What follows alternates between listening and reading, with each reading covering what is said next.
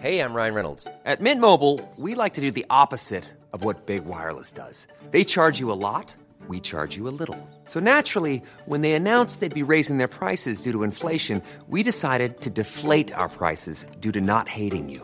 That's right. We're cutting the price of Mint Unlimited from $30 a month to just $15 a month. Give it a try at mintmobile.com slash switch. $45 upfront for three months plus taxes and fees. Promo rate for new customers for limited time. Unlimited more than 40 gigabytes per month. Slows. Full terms at mintmobile.com. Ryan Reynolds here from Mint Mobile. With the price of just about everything going up during inflation, we thought we'd bring our prices down. So to help us, we brought in a reverse auctioneer, which is apparently a thing. Mint Mobile unlimited premium wireless. Ready to get 30, 30, bit to get 30, bit to get 20, 20, 20, bit to get 20, 20, bit to get 15, 15, 15, 15 just 15 bucks a month. So, Give it a try at mintmobile.com slash switch. $45 upfront for three months plus taxes and fees. Promo rate for new customers for limited time. Unlimited more than 40 gigabytes per month. Slows. Full terms at mintmobile.com. Pulling up to Mickey D's just for drinks? Oh, yeah, that's me. Nothing extra, just perfection and a straw. Coming in hot for the coldest cups on the block.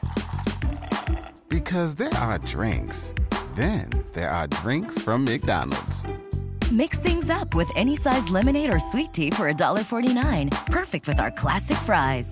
Price and participation may vary, cannot be combined with any other offer. Ba da ba ba ba. Ridsportpodden i samarbete med Trailerimport.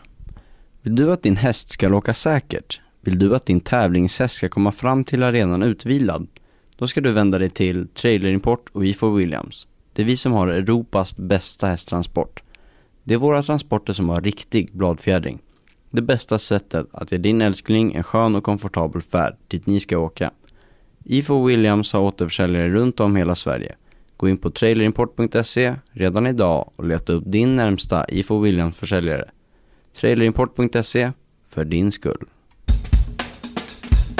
hjärtligt välkomna till eh, Hed och Jonsson. Den sista Här i alla fall. programmet ifrån Sweden International Horse Show. Precis härifrån. Linda Hed, vi eh, sitter ju här och vrider och vänder på alla möjliga saker som de flesta är konkreta och i verkligheten. Och idag så ska vi bara ägna oss åt mjuka värden, känslor. Linda Hed, kan en häst bli kär? Absolut, det ska jag säga. Eh, jag har många hästar som är kära i varandra, som inte kan vara utan varandra. Eh, fort de ser varandra så måste de bara springa till varandra. Men sen kan jag också se en kärlek mellan eh, ryttare och häst väldigt tydligt. Eh, och det ser man ju både då i stallgången och även, eh, tycker jag, när eh, ryttaren sitter på hästen. Och kärlek, eh, andra sidan betyder ju svek. Hästar... Eh, Blir de arga när de blir svikna eller Alltså- blir de tydligt svikna? Alltså ett tydligt svek tycker jag är när man eh, hemma då kanske lämnar bästa hästen hemma i stallet när man åker iväg på tävling med andra hästar. Det kan, då kan jag känna att eh, de ställer sig i boxen och är jättesura på mig eh, och väldigt tydligt bevisar att du, eh, det här var inte okej. Det här var utanför vår relation. Hjärtligt välkomna våra gäster eh, Jens och Peder Fredriksson. Tack. Sweden International Horse Show 2016. När började ert äventyr med den här tävlingen? Jag var med första gången. Eh, 93? Ja, vi tror att det är 93 i alla fall. Då var jag med på Shiva Deluxe och då var det en maskeradhoppning och vi målade den här hästen. Eh, Peder målade den, som det såg ut som ett skelett. Det var faktiskt ganska häftigt för han var svart den där lilla. Och den där hästen tävlade jag i SM sen, just Ja. det. En liten anglo-arab. Ja. Vad var din roll 93 utöver att du målade? Jag tror jag var hästskötare. Och så målade jag skelettet på Shiva Deluxe och så målade jag Helena Perssons häst till en dalahäst. Det måste ju tagit jättelång tid. Ja, jag kommer inte ihåg. Det var handfärg tror jag vi hade. Jag tror de var snyggare innan ritten än efter, för den hade nog kletats ut ganska rejält. Jag saknar de här maskeradhoppningarna som vi hade i Globen där. Det var alltid ganska spektakulära målningar och utklädningar. Ja, varför ströks de? Var det för att det blev för mycket naket eller var det att det blev för farligt? Jag tror, folk, jag tror ryttarna vill inte vara med längre. När man hade, gjort, man hade vänt och vridit på alla teman så var det inte så många... Det var, inte, det var svårt att fortsätta på något sätt. Jag slutade när jag fick eh, sjunga för fullsatt Globen. Där kände jag att där var min gräns Har nådd. du också gjort det? Åh, har jag också gjort. Hemskt. Men det bästa var att jag skulle sjunga det fulaste jag kunde. Och det var ungefär det bästa jag kunde också. Ja, det lät nog som mig ungefär. Men de här showinslagen har ju försvunnit. Även i Falsterbo har ju varit klassiska kvällstidningsuppslag. Här bjuder ryttarna på sig själva. Ja, just Här tvingas ryttarna bjuda på sig själva, borde det heta. Här tar sig ryttaren in i en riktig hoppklass. Den ska få hoppa en annan dag. Vad har, du har ju vunnit här och du har ju vunnit här. Vad har ni några speciella ögonblick ifrån, från den här tävlingen som ni bär med er, som ni tänker på? Ja, alltså, jag, jag tycker det, man har många bra ögonblick här. Speciellt när man var här i början, eller var i Globen då i början. Så. Jag hade en häst som hette Isak, som jag, ja, gick fantastiskt bra här. Det har jag väldigt bra minnen av. Det, det är alltid mer spännande i början på något sätt. Det finns ju ett eh, stående showinslag här som förtrollar mig varenda år. Det är ju fransmannen Jean-François Pignon som föddes i Frankrike. Han är väl snart 50 år, eh, ung, uppvuxen med en väldig massa syskon utan några större materiella tillgångar. Men han var väldigt blyg så hans pappa gav honom en häst.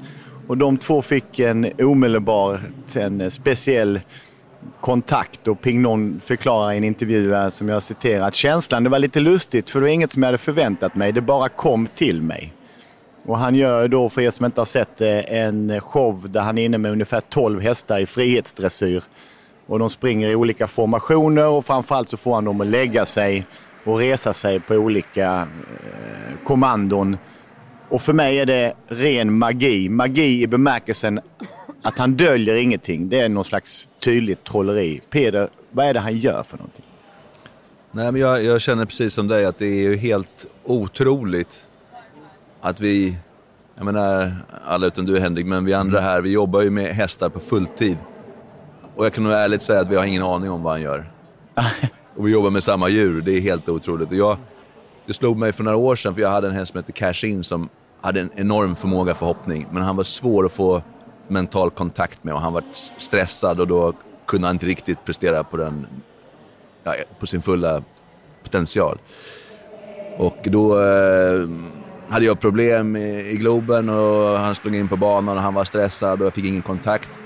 Och sen på kvällen så kommer Pignon in med tio hästar, helt avspända, vakna och de följer han och han kan lägga dem i allting. Och det väckte ju faktiskt ett enormt intresse eh, hos mig för att jag tänkte precis det, menar, vi jobbar med samma djur och jag har inte en aning om vad han gör. Så då beställde jag en massa böcker på nätet och ett, ett års tid satte jag mig in väldigt mycket i, i vad man kallar för natural horsemanship. Och läste om uh, olika träningar och olika system och sånt där. Det var, det var himla intressant. Jag fick ju ingen ordning på, på cash in i och för sig. Så, så att eh, på så sätt var det kanske inte så lyckat men eh, jag- har rätt så mycket med mig av det jag lärde mig då i det sättet jag jobbar med hästar idag. Och vad är det för något? Ja, det är lite hur... f- Att dels förstå hur hästar kommunicerar med varandra och hur man kan kommunicera eh, med hästar och förstå liksom att de behöver en ledare och eh, ja, helt enkelt eh, sätta sig in i hur hästar tänker. Sen kan jag väl säga lite att när jag var som mest inne i det, det finns såna här handböcker i National horsemanship, vart man ska stå och hur man ska göra när man kommunicerar med en häst och hur hästar gör mot varandra och allting. Och eh, det är ju rätt bra att kunna göra det, men sen i slutändan så känner jag ändå att man måste vara sig själv mot hästen. Man kan inte tänka så här, okej nu ska jag gå fram till hästen och sen ska jag stå här och så ska jag göra så här för att det blir inte, det blir inte en ärlig kommunikation. Du måste ändå, i slutändan när du kommunicerar med hästar så måste du bara vara dig själv. Men det är klart, ju mer kunskap du tankar in i din, din bank, ju bättre kommer din naturliga kommunikation med hästen bli såklart. Men i slutändan får det inte vara att du ska tänka när du kommunicerar, det måste bara sitta i ryggmärgen. För det finns ju något ologiskt i uttrycket natural horsemanship i bemärkelsen att hästen är ju ett flyktdjur, människan är ett rovdjur och människan ska sitta på ryggen på den som vill fly. Är det en relation som går att plocka ur DNA eller hur ska man förhålla sig till... Ja, jag, har inte, jag har inte tänkt riktigt så på det, men jag kommer ändå tillbaka till det här att det finns ju två sätt lite grann att jobba med hästar. Det ena är ju att, att, vara le, att leda hästen. Inte, inte att leda den i ett grimskaft, för att man leder hästen eh, till att den verkligen vill göra saker och ting. Och man, eh, om man ser när Peder rider så rider han aldrig med grammantyglar. Han eh, rider med extremt lätta hjälper. Han leder sina hästar med ett, med ett starkt, tydligt personligt ledarskap. Man behöver aldrig ta speciellt hårt i dem, utan det sitter liksom i kroppsspråket. Och det jag tycker är intressant, det är ju en del av eh, ridkonsten. Ridkonsten genom tusentals år har ju utvecklat ett antal nycklar. Och de nycklarna handlar om att hästen ska spåra, det handlar om att hästen ska hitta sin balans, att den ska vara taktmässig, att den ska andas och att den ska gå med så lätta hjälper som möjligt och framförallt vikthjälperna. Men det kan ju också göra på andra, ett annat sätt, att du kan ju mer fysiskt leda hästen. Alltså du, du tar ett grimskaft och leder den eller du tar ett bett eh, där du håller den på plats mellan hjälper och så vidare. Och, och, det där är ett litet val man gör. Eh, och det är ingenting som handlar om idag eller morgon. utan det är, det är två olika sätt. Antingen så ser du till att någonstans uppmuntra och motivera hästen till att göra saker. Eh, det andra sättet är att du någonstans styr den eh, mer fysiskt att lösa uppgifterna. Eh, jag säger inte att det ena eh, bort, man kan kanske vara någonstans i mitten också. Men det är klart att de hästarna som kan ridas på det sättet som med den tillämpade ridkonsten på ett bra sätt, att de kommer ge mycket mer av sig själva och kommer tycka att det är mycket, mycket mer spännande och kommer inte tänka så här att gå emot eller inte försöka eller kommer alltid vara där framme. För det är intressant för det kommer ju tillbaka till ryttaren som Peder är inne på. En människa med en stark självkänsla och en, eh, en trygghet i sin kunskap. Mm. Borde ju våga släppa sin häst lite mer. Men har du ett kontrollbehov, precis som chefer som ska leda mm. andra människor, de som inte är så bra. De ska kontrollera varenda detalj, de ska styra. De ska... Ja, jag, jag, jag, tror att man kan likna det med barnuppfostran egentligen. Mm. För det är egentligen samma sak. Och där väljer man ju också som förälder hur man, vilken väg man vill gå. Mm. Eh. Det är lite också, man säger om man ska ge ett exempel, så kan det ju vara att man, har man haft en häst under en lång tid så formar man ju hästen. Det är precis som, som Jens säger med barn, liksom att, att hur man beter sig mot dem formar, formar dem ju. Och har man haft en, en häst, till exempel eh, om en häst ska hoppa ett hinder eller om den ska stanna. Det finns ju hästar som stannar ibland. Då kan man ha två filosofier lite grann när man tränar hästar. Att man rider dem och sen styr man på ett stort hinder och hästen stannar. Och då bestraffar man den för att tala om att det är fel att stanna.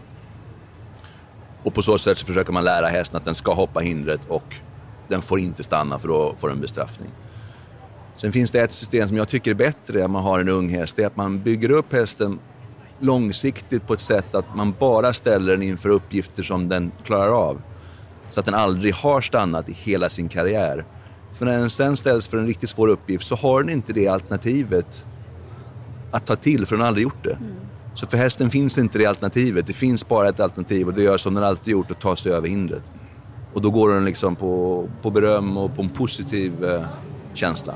Det bygger ju på att man får lov att ha långvarig kontakt med hästen. Men precis som med barn som far illa i sin uppväxt, Eh, antingen i våld eller andra kränkningar, så säger det som, som jag förstår att man har svårt att lita på andra. Man har svårt till tillit för man vet att det kan smälla, i synnerhet i dysfunktionella sammanhang där det smäller av olika anledningar. Det finns ingen logik i bestraffningar eller beröm.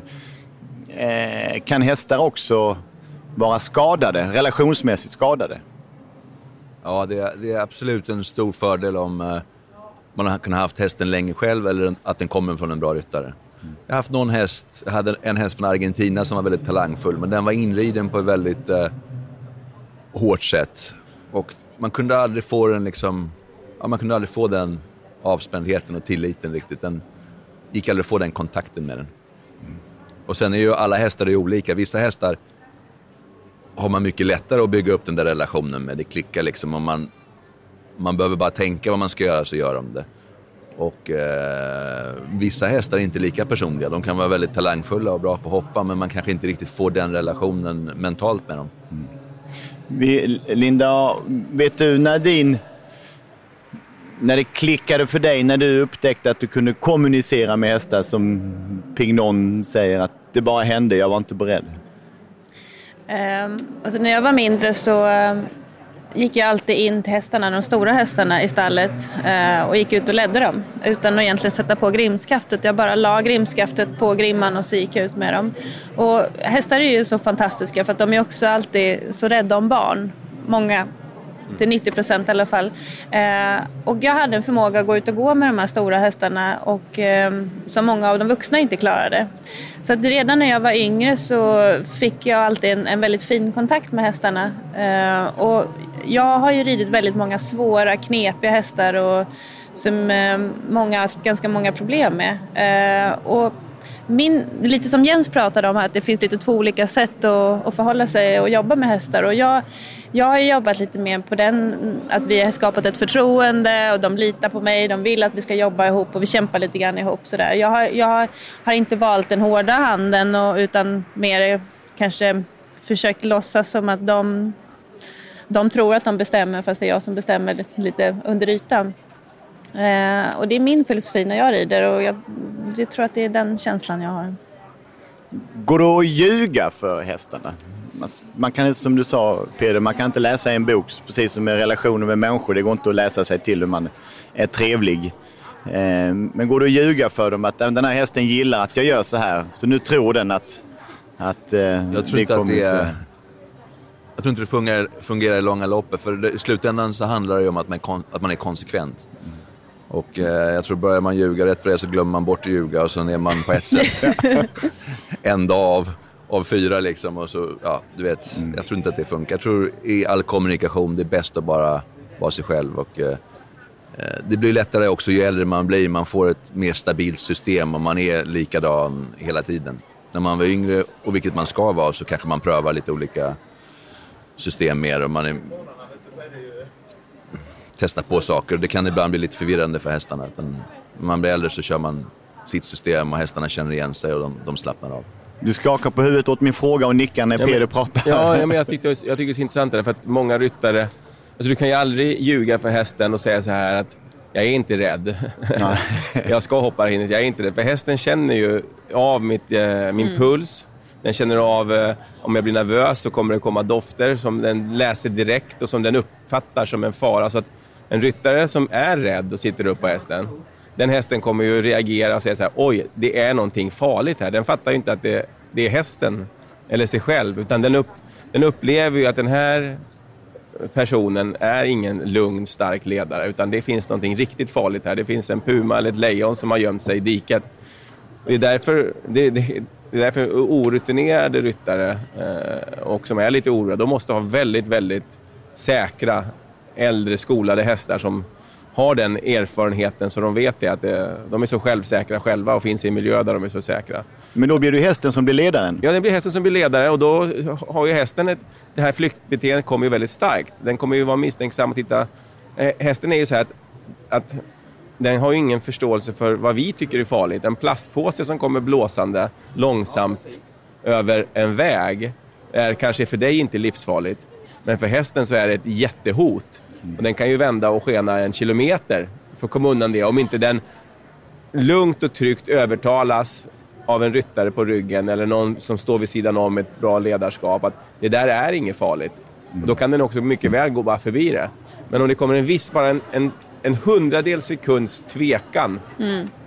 så är det där, det där är livsfara. Och, och, det är ju det jag tycker att när vi pratar om eh, säkerhet med hästar så, så hjälm och skyddsväst är all ära, men det är inte där det sitter. Det handlar om hur kan jag läsa hästen och hur kan jag vara hästens ledare så den slappnar av. Då är ju hästen inte speciellt farlig. Men om jag är osäker så är det ju ja, 600 kilo väldigt farligt.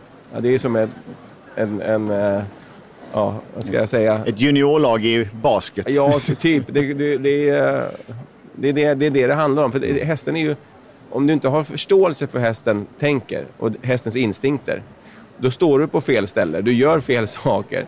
Och det är här det tycker jag kommer in, att det är viktigt att man lär sig att vara med hästarna. Precis som Linda sa, när hon var liten så var hon med hästarna. Hon gick och ledde hit och dit, satt i boxen, var ute och gick.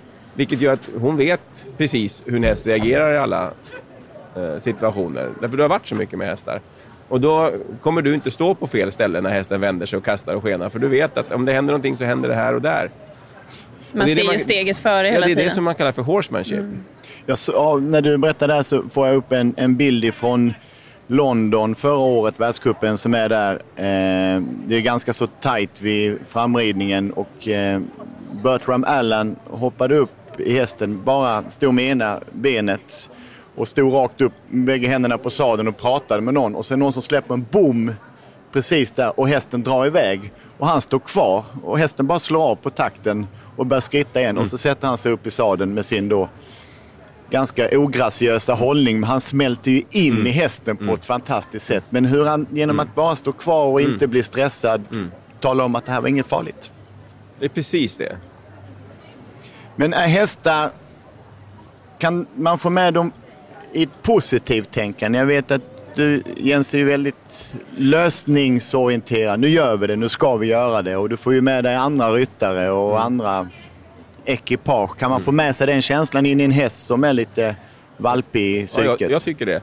Och antingen så, så som- det är som med alla relationer, antingen så, så tar du den. Jag känner ganska snabbt ifall en, ifall en häst gillar mitt sätt att vara och sådär. För det, det, jag känner det. Och jag känner hur en del hästar, de utvecklas inte som jag skulle vilja.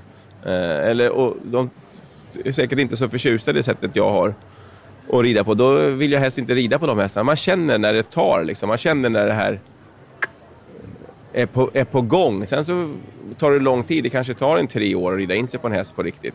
Är det en äldre häst så kan det ju gå fortare. Men om man får en fem, fyra, femårig häst, det tar ett år att ta upp dem lite i klasserna liksom, och sen så ska den bli stabil där och sen tredje året, det är då man börjar vinna egentligen. Och då, och då kan man hästen på riktigt. Kan det vara så Peder, ibland att ni ryttare underordnar er hästarna för mycket och nu försöker jag bara generalisera med respekt för att jag inte kan rida själv. Men att ni pratar om att den hästen är sån, den hästen är sån och den hästen är sån. Så att när ni hoppar upp på en häst som ni har sagt, den här är inte snabb, jag vinner inga omhoppningar på den. Så har man också satt sin egna gräns av att vi kommer inte att vinna idag. Att man som ledare bestämmer för tydligt vad det är för typ av hästar. Ja, det är nog lätt hänt att man gör det. Jag brukar alltid säga att jag sätter aldrig några begränsningar på mina hästar. För det kan någon, någon fråga mig, så, ja, men vad tror du den kan gå och så vidare. Och det är bättre att säga att, att man inte vet, för det vet man inte. Hästarna får själv visa vad de, eh, vad de har i sig. Och, Eh, och så kan det vara tycker jag med, med, med hästar ibland. Att du, du frågar där om man, hur man får dem att kämpa liksom och, och, och, och ge sitt bästa och, och hur långt man kan komma med dem. Och ofta tycker jag att det, det beror väldigt mycket på vilken kvalitet hästen har. Har du en väldigt talangfull häst så innebär det att den kan göra det vi vill på ett enkelt sätt. Den kanske bara behöver ge 70% av sin förmåga. Vilket gör att det är väldigt trevligt för den hästen. Den behöver aldrig riktigt ta i och den, den har enkelt för sig. Har du en mindre talangfull häst som du begär samma saker av så måste den kanske göra 130% av sin förmåga. Vilket innebär att den måste ta i väldigt mycket hela tiden och det blir jobbigare för dem. Och har du då en, samma längd på karriären på de här hästarna så kommer ju den som har mindre talang jobba mycket hårdare och efter ett tag är risken större att den inte tycker det är lika roligt. Och då ger de upp lite grann och då tappar man den här kommunikationen och, och glöden. Men de hästar som gör det ganska lätt, de, de har ju mer fighting spirit i slutändan för de, de har alltid lite kvar i sig. Men det är också väldigt spännande då hur ryttare då kan se att den här hästen går på max hela tiden. Hur man behärskar det, hur man backar tillbaka. Vad är det? Gör man en mindre klass? Gör Ja. man en speedklass? Låter man den gå ut i skogen i en Ja. månad? Alltså det är där ryttaren kommer in i hur den ska matchas. Och det hjälper också om man har flera andra hästar. Har du bara en, en häst och du försöker ta dig in till ett mästerskap eller någonting, då kanske den hästen måste göra det för att du ska vara kvar. Har du flera hästar, då kanske du kan använda den hästen som andra häst eller tredje häst under en period och sen ta upp den ibland och ner den ibland. Så att det underlättar ju om man har fler bra hästar i stallet. Det handlar om att respektera hästens fighterhjärta. Ja, behålla det. Det är A och O, att de ska vilja göra jobbet och tycka att det är kul. För en häst som har gett upp, kan man få tillbaka den? Det är svårt. Jag tycker det är väldigt svårt att göra det. det. Det kan gå, men det är ytterst sällan att det fungerar. För jag kommer ihåg när Malin avslutade med Butterfly Flip som då var en väldigt framgångsrik häst. Ryan Reynolds här från Mint Mobile. priset på nästan allt som går upp under inflationen, trodde vi att vi skulle bring våra priser down. So to help us, we brought in a reverse auctioneer, which is apparently a thing. Mint Mobile unlimited premium wireless. Ready to get 30, 30, bit to get 30, bit to get 20, 20, 20, bit to get 20, 20, bit to get 15, 15, 15, 15 just 15 bucks a month. So, Give it a try at mintmobile.com slash switch. $45 upfront for three months plus taxes and fees. Promo rate for new customers for limited time. Unlimited more than 40 gigabytes per month. Slows. Full terms at mintmobile.com. Join us today during the Jeep Celebration event. Right now, get 20% below MSRP for an average of 15178 under MSRP on the purchase of a 2023 Jeep Grand Cherokee Overland 4xE or Summit 4xE. Not compatible with lease offers or with any other consumer incentive offers. 15,178 average based on 20% below average MSRP from all 2023 Grand Cherokee Overland 4xE and Summit 4xE models in dealer stock. Residency restrictions apply. Take retail delivery from dealer stock by 4 1. Jeep is a registered trademark. Every fan knows the right player in the right position can be a game changer. Put LifeLock between your identity and identity thieves to monitor and alert you to threats you could miss. Plus, with a US-based restoration specialist on your team, you won't have to face drained accounts, fraudulent loans, or other losses from identity theft alone. All backed by the LifeLock Million Dollar Protection Package. Change the game on identity theft. Save up to 25% your first year at LifeLock.com slash aware.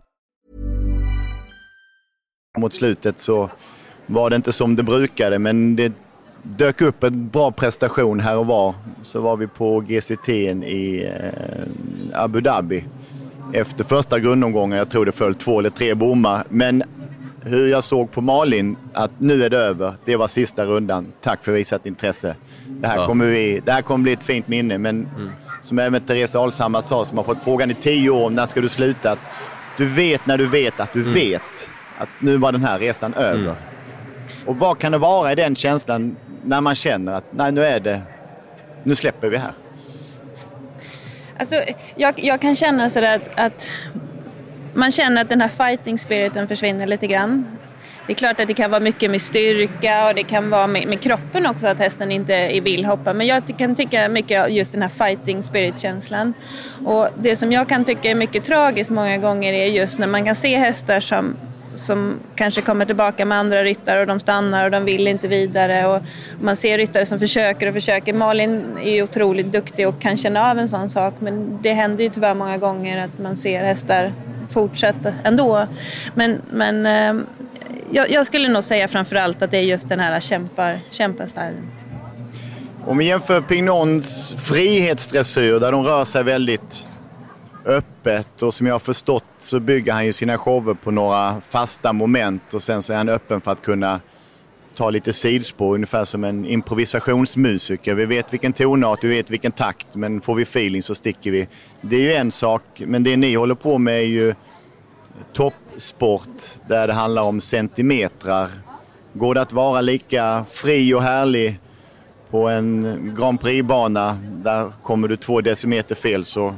Jag tycker, jag tycker i, i sporten är ju... Alltså det själva sportsliga är inte den största biten i att vara, i alla fall som Pedro och jag som tar fram hästarna själva, utan det finns ju, den stora biten är ju typ ridkonsten eller skolningen av hästen. 80% eller 90 procent är vi ju inte inne på banan, utan det rids hemma och det är skolas. Och, och där är ju utvecklingen oändlig. Sporten är ju ganska enkel. Det är från start till mål, 10 hinder, 60 sekunder, där du inte får göra några fel. Eh, eh, den andra biten är ju så oändlig. Det finns inget slut på den. Liksom. Och, det, och det, där känner man ju hela tiden att man utvecklas och man ser... Ju skickligare man blir, tycker jag, på att rida, ju svårare blir det. Och ju större frågeställningar kommer. Och man kommer mycket till de bitarna vi pratar om just nu. Hur kan jag på ett elegant sätt skola mina hästar så att de vill ge 100% av sin egen förmåga? För lyckas jag med det så skulle jag ju kunna hoppa runt här med enhandsfattning. Och vända med vikten och säga vänster, vänster, höger. Alltså, alltså det, det, det, är ju, det, är nog, det är en oändlig utveckling i den biten. Den sportsliga är ju ganska primitiv och enkel egentligen. Antal hinder, antal galoppsprång. Eh, Du ska lösa det med så god precision som möjligt. Och den är väl, jag tycker om man ska sätta vad som är roligt så tycker jag att den här skolningsbiten är så mycket mer ja, attraherande ju äldre jag blir. Den, är, den är, blir man ju nästan beroende av. Tävlandet är kul, men det kan du lika bra titta några, titt, Det är ju kul att titta på också, en spänning.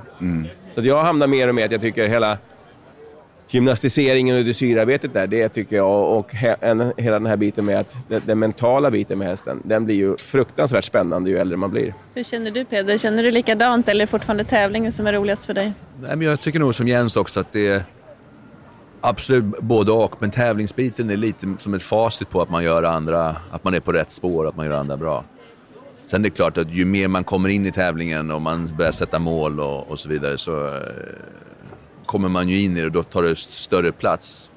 Men jag hade absolut inte tyckt att det var lika spännande om det bara handlade om att tävla. Det bara handlade om att, vara- inne på banan och vinna pris och så vidare. Utan jag håller helt med Jens att, att förfölja en ung häst eh, och se hur man kan bygga upp den. Dels fysiskt, hur den blir starkare, sätter muskler och blir rak och sund och, och så. Men även mentalt och förfölja en hästs utveckling när personligheten växer liksom. Och, och, och man bara känner att, att den mår bra, den har stort förtroende och den får erfarenhet. Så här. det är en fantastisk resa som, som slår vilken tävling som helst. För det är ju det som man pratar ofta om i idrott, eller för lite egentligen tycker jag, med process och resultat. Att om man inte kan en idrott så pratar man gärna om resultat. Och lätt att man använder klichéer som vinnarskalle och hata att förlora och så vidare. Men om man är kunnig så kan man se till processen. Sett till förutsättningar, förhållanden så var detta en mycket bättre resultat kanske att ha ett ner här ute i stora klassen än om du skulle komma in med all in och, en, och ha ett bättre resultat, rida felfritt. Men det är också det som gör, tror jag, att ridsporten är väldigt svår att förstå för de som bara gillar att konsumera idrott. Okej, nu kör vi. Vem ska vinna? Och så frågar man en normal svensk ryttare, hur var det då? Jättebra. Kändes fantastiskt. Men vad hade du för resultat? Två ner. Men du sa ju att eh, det kändes... Och kan man då inte processen så är det helt obegripligt. Helt obegripligt. Men det finns ju andra idrotter som är lite åt det hållet. För det, är- det här är ju en blandning av sport och konst. Ja. Alltså, det, det är det som är det svåra i det hela. Och om du väl nu har fått ett nedslag så finns det väl ingen anledning att kämpa allt vad man kan för att eh, eh, ja, upprätta, om jag, om jag blir sjua eller nia, vad spelar det för roll? Eller om jag, blir, eller om jag kommer sist. Jag till och med kan säga, okej, jag fick inte till det, jag klappar på hästen och går ut, blir utesluten och är sist. Mm. Men vad spelar det för roll? Det spelar ingen roll. Alltså, är, antingen är du med där uppe och rider om ja, pengarna. Mm. Om du i alla fall är utanför det så kan du börja tänka på nästa klass. Hur ska jag se till? Hästen kanske är spänd upp en hörna. Jag lägger en volt till och rider upp den där, klappar på den och visar den att det här finns inget farligt uppe i det här hörnet. Eller Mm. jag kanske rider och visar ett, ett hinder som den har varit spänd för och tycker är lite otäckt och lägger en volt runt det. Eller, alltså det, det är ju en process. Det är ju inte lätt att förstå de bitarna om inte man är insatt i sporten. Det förstår jag också. Nej, det är en evighetsträning också. Det är väl då som John Whittaker säger att ska man bli en riktigt bra ryttare får man lära sig att förlora. För du kommer förlora 95 procent av matcherna du spelar. Och det enda som är säkert är att det är en ny tävling nästa helg. Och det är ju intressant i bemärkelsen att också ha det här evighetsperspektivet i andra idrotter om vi fortsätter att jämföra där det är så väldigt kort med tålamod. Förlorar man fem matcher i fotbollsallsvenskan så bör det skrivas om att man ska kicka ledaren, man ska köpa nya spelare. Man måste förändra snabbt, snabbt, Ja. snabbt. Tror ni att ridningen allmänt sett är en bransch av tålamod? Vilket är tämligen omodernt. Ja, men jag tror man måste ha extremt tålamod och eh, långsiktighet. Eh, dels när man jobbar med hästarna därför att eh, det var väl någon, något citat som var att eh, ryttarens högt ställda ambitioner kan inte påskynda naturens gång och det, det ligger lite i det.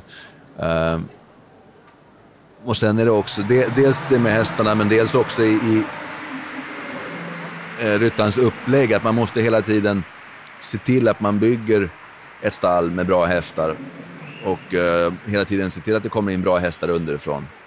Jag menar, en häst har inte en sån jättelång karriär. Menar, man, kan få, man kan vara glad om man kan få ut sex års riktigt bra eh, tävlingskarriär ur en häst på högsta nivå. Och eh, då gäller det att man samtidigt bygger upp underifrån parallellt med andra hästar. Och även ryttaren bygger upp sig själv för att det ska vara en längre tid. Att Mm. Ja, man också. inte Ja, äter varje dag på Statoil. Och... Nej, verkligen. Nej, det är mycket saker som... Det är också någonting som jag, jag, jag tycker är väldigt spännande, det är liksom det här helhetsupplägget. För du kan ju ha världens bästa häst i stallet om, om den inte känner sig 100% så kommer den inte leverera 100% en längre tid. Har du en hovslagare som inte är bra nog och den får obalans så kommer den kanske få ont i ryggen eller i ett ben och då tycker den inte det är lika kul att hoppa och så får du inte framgången. Har du inte bra foder eller höet är inte bra nog eller underlaget är inte bra nog eller så, här, så allting måste vara på topp. Hästskötare, resor, så här, det tycker jag är väldigt kul att skruva på de här knapparna och se varje år vilka grejer kan vi göra ännu bättre till nästa år. Men om vi backar lite tillbaka till det vi pratade om innan, just det här med att lära känna hästen. Liksom, hur, hur många år känner ni att ni skulle behöva för att lära känna en häst riktigt, riktigt? Det är väldigt olika skulle jag säga. Vissa hästar kommer du upp på och du känner att de plockar upp direkt. Du lär dem en grej en dag, nästa dag när du checkar av det så kan de det. Och vissa hästar kommer upp, du lär dem en sak en dag, nästa gång kommer du checkar av det är det som du aldrig har gjort det. Och så kan det fortsätta en hel karriär. Liksom. Och de är- hästarna kommer man ju inte någonstans med. Och det är inte åldersbaserat om de är fem eller när de är sex eller tio år när ni får dem. Det är lättare på yngre hästar att få den eh, effekten, men de, då ställer du också lättare frågor. Du ställer enklare frågor till, till yngre hästar, men de är också mer, mer receptiva, tycker jag. När man kommer upp på äldre hästar, då är det ju mer intryck och de har lärt sig mer. Det är, mer, det är större alfabet att jobba med. Men, eh, men intelligensen på hästar, och det tror jag, de bra hästarna är smarta hästar. De lär sig sporten, de lär sig var bommarna ligger, de, de vet vad det går ut på, de gillar att gå in på prisutdelningen, de vet när de gör någonting bra. De vet att nu är det tävling och nu är det inte tävling. Och de, de plockar upp liksom, det är, det är inget snack om den saken. J- Jens, eh, kan du få en dum häst smart? Ja, Jag, jag tror kanske en, dum, en, en riktigt smart häst kan också bli att den spänner sig. Alltså den, den, eh, den har inte det sinnet för hoppning till exempel. Jag tror att det måste finnas ett sinne för hoppning. En del hästar kan ju vara li- lite bedrövliga i, i markarbetet men så fort det kommer till hinder så känner man att det börjar klicka till lite grann. Att det finns ett sinne, medfödd, medfödd talang för att ta sig över hinder och en tillfredsställelse att bruka sin kropp. Och det, det hänger kanske ihop med att det finns en atletisk förmåga, att den är sund och, och frisk. Men en del hästar, man känner ju att när de tar och gör ett riktigt bra språng så landar de och bara... Och så vet man att oj, oj, oj. Och en del hästar när de gör ett riktigt bra språng så landar de och, och nästan inte vill göra om det. De hästarna blir sällan bra tycker jag. De här som inte vill nyttja eller bruka sin kropp på det sättet. De bästa hästarna jag har haft, de har liksom, ju mer de hoppar ju bättre blir de. Lite åt det hållet. Är smarta hästar samma som IQ, alltså in, en hård intelligenskvot, som en EQ, emotionell kvot? Finns det hästar som är känslomässigt rika? Så man kan känna att eh, här får man vara extra noggrann med, med relation. Ja, absolut, det finns ju en del hästar som är otroligt känsliga. Eh, om, eh, när man, när man går fram till boxen så finns det en del som kommer fram direkt och buffar på en så här och säger hur är läget? Men det finns en del som står och tittar på det ganska länge. De kommer fram, du tar upp handen och ska klappa den, den backar tillbaka, sen kommer den fram igen. Det kanske tar en minut innan du på något sätt har, har eh, sagt god morgon och eh, riktigt kommer nära hästen. Eh, Så att det är klart att de har o- olika sätt, har de väldigt olika sätt socialt, det tycker jag. Och det är ju det som är ryttarens jobb egentligen, att klura ut koderna för varje häst.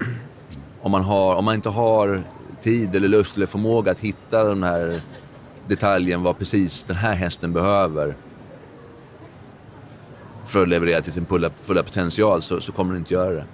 Vi hade ett snack om det nu i Stuttgart, jag pratade med Marcus Ening om det och han sa att Bosti, så han, tyckte han var den som var bäst i världen på att lista ut exakt vad varje häst behövde. Han sa det är ingen som lägger så mycket tid som Bosti att tänka på vad varje häst behöver och anpassa sig efter det. Jag tror utifrån kan man inte se det ser likadant ut. Men man måste försöka hitta de där koderna. Vad vill just den här hästen ha? Och vad kan jag hjälpa den med för att den ska bli bättre? Man kan ju nästan tro att han bara sätter sig upp och flaxar runt lite grann. Det känns ju inte som att han alltid har en Det plan. ser, Men, det ser ut så, men det är motsatsen. ja.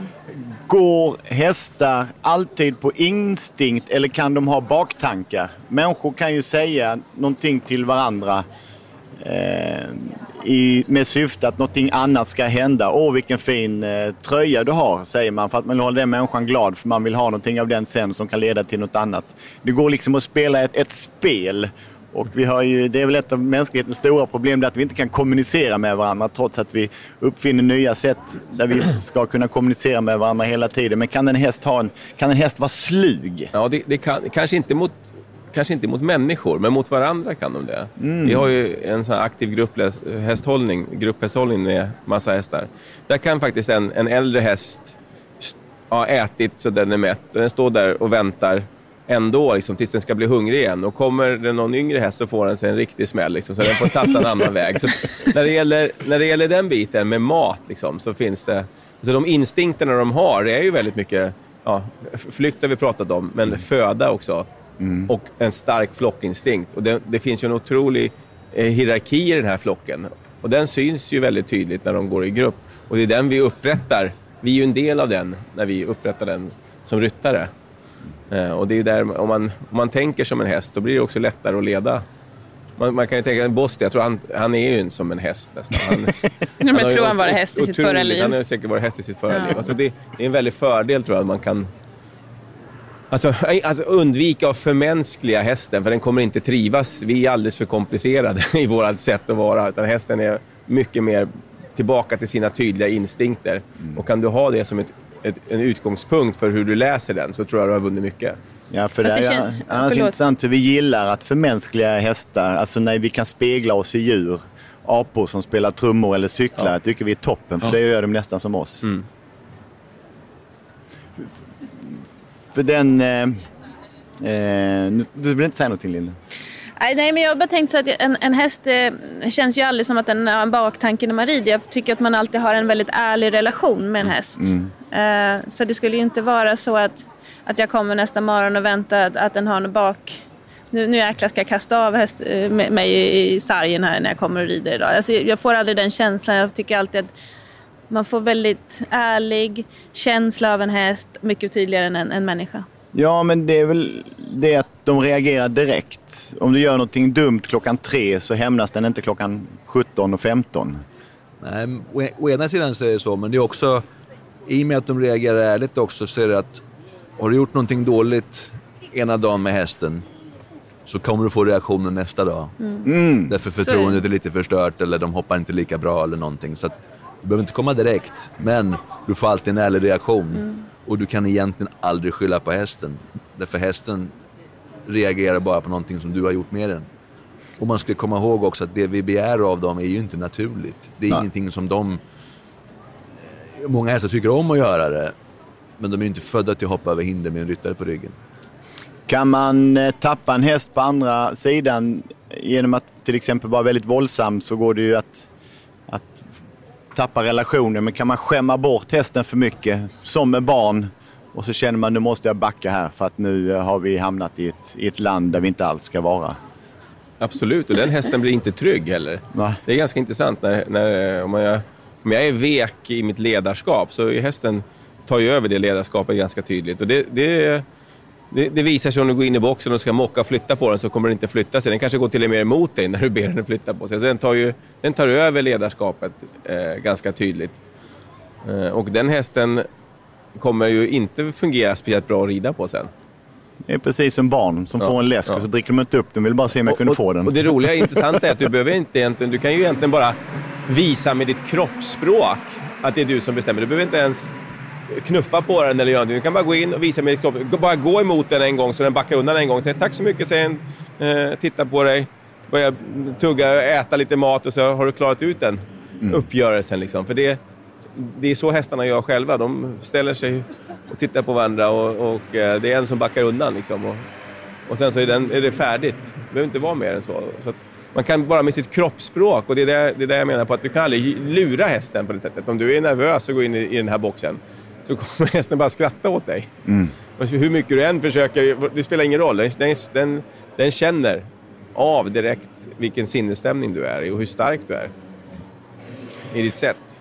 Det är söndag nu när vi sitter här och pratar och det är stora klasser framför oss. Och sen det här året eh, slut. Peder, du ska till London och tävla. Blir det några tävlingar innan dess?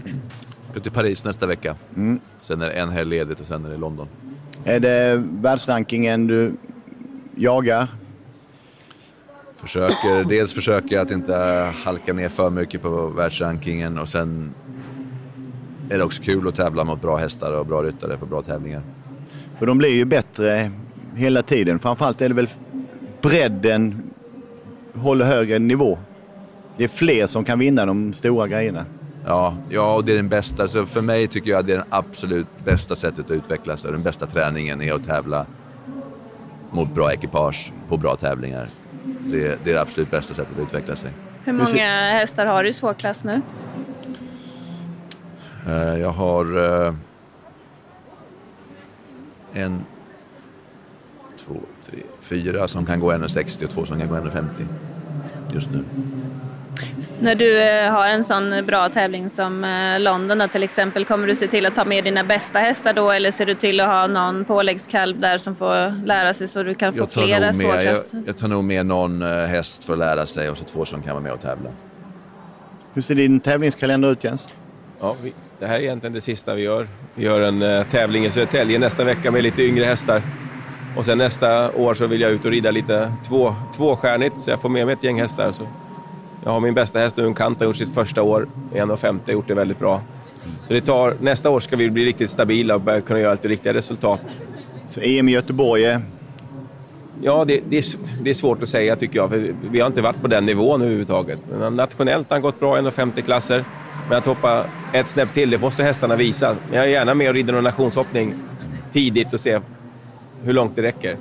Det är den där sista lilla millimetern i elitidrott. Man ska bli dubbelt så bra för att ta en millimeter Ja, till. Det, det är lite så det är. Och sen så har man varit med så pass länge som jag har varit så vet man det att sätter man upp för stora uppgifter för en häst som inte är riktigt klar för så kanske den, det är färdigt sen. Och eh, jag tycker hästen är så pass bra så att jag skulle hellre se att vi stabiliserar den så man kan ha en 3, 4, 5 år på den på högsta nivå. Upp som en sol och ner som en pannkaka, det är så, det är så tråkigt. Det finns ju så många olika torer nu för tiden som börjar tidigt på året. Är det något eh, sätt som du tycker är bra Ja, för jag är att utbilda dina av hästar? att åka iväg på någon tour. Jag har inte bestämt mig riktigt vilken, vilken än, men jag, det är, det är ju så här halvroligt i Mälardalen eh, januari, februari, mars. Så det, är, det är inte fel att lasta hästarna och åka till Spanien eller Italien. En onsdagkväll i en vattenpöl i Ja. Kumla Ja. Men hur, med gympaskor. hur resonerar du för, för just eh, en sån här tour? Tänker du att du ska bygga upp dem successivt under hela touren eller att de får pauser emellan? Eller hur, hur, hur tänker du din strategi när du väljer att göra just en tour? Jag tror jag, gör en tour. jag tror bara jag åker och gör två helger faktiskt. Och sen åker hem igen. Därför att jag blir så uttråkad när jag är borta så här länge. Jag tycker att man går och somnar till. Jag åker hellre ner, gör två helger och så åker hem igen. Än att vara där fyra veckor och göra lite varannan. Mm. Jag har varit det flera gånger men jag blir, jag blir rastlös när jag är på samma ställe. Jag, Tycker, tycker du att hästarna får ut samma resultat av det? jag vet inte, det är första gången jag ska göra så här. Mm. Faktiskt, jag har åkt ner innan och varit fyra veckor och så ridit dem kanske två veckor var. Men nu känner jag att jag, jag ja, lägger inte en månad utan jag vill hellre lägga två veckor och så rida där fullt ut och sen åka hem igen. Linda Hed, när ser vi dig i sadeln nästa gång? Tävlingssammanhang. Jag är alltid redo. Bra. Jag gör som Jens, ska tävla lite unghästar nästa vecka redan. Eh, och eh, jag kommer göra en tour i Spanien eh, i februari med mina hästar som är åtta och nio nästa år och är på väg upp. Så att, eh, för mig då tycker jag att det är väldigt bra att göra de här tourerna för att faktiskt få dem nästan ett helt år äldre efter en sån här månad. Så det ger så mycket. Jag tycker det i alla fall. Därför tycker jag det är lite spännande att höra hur Jens ser det där. Men eh, jag, jag tycker att eh, får de komma hem och ta en paus så har de vuxit väldigt mycket. Både i, framförallt i huvudet men också i kroppen. Tack så jättemycket och tack för i år och eh, det var denna Sweden International Horse Show. Den kommer ju tillbaka. Det är ju alltid en ny tävling nästa helg. Nya bommar som man kan riva eller hoppa över. Trevlig eh, fortsatt eh, söndag allesammans. Eh, Samma. Jens, Peder och tack för nu Linda. Tack för nu Henrik. Vi eh, hörs igen i någon podd nära dig. Nära dig. Ja. Hej då! Hej då! Ridsportpodden i samarbete med Trailerimport. Vill du att din häst ska åka säkert? Vill du att din tävlingshäst ska komma fram till arenan utvilad? Då ska du vända dig till Trailerimport och IFO Williams. Det är vi som har Europas bästa hästtransport. Det är våra transporter som har riktig bladfjädring. Det bästa sättet att ge din älskling en skön och komfortabel färd dit ni ska åka. IFO Williams har återförsäljare runt om hela Sverige. Gå in på trailerimport.se redan idag och leta upp din närmsta IFO Williams försäljare. Trailerimport.se för din skull.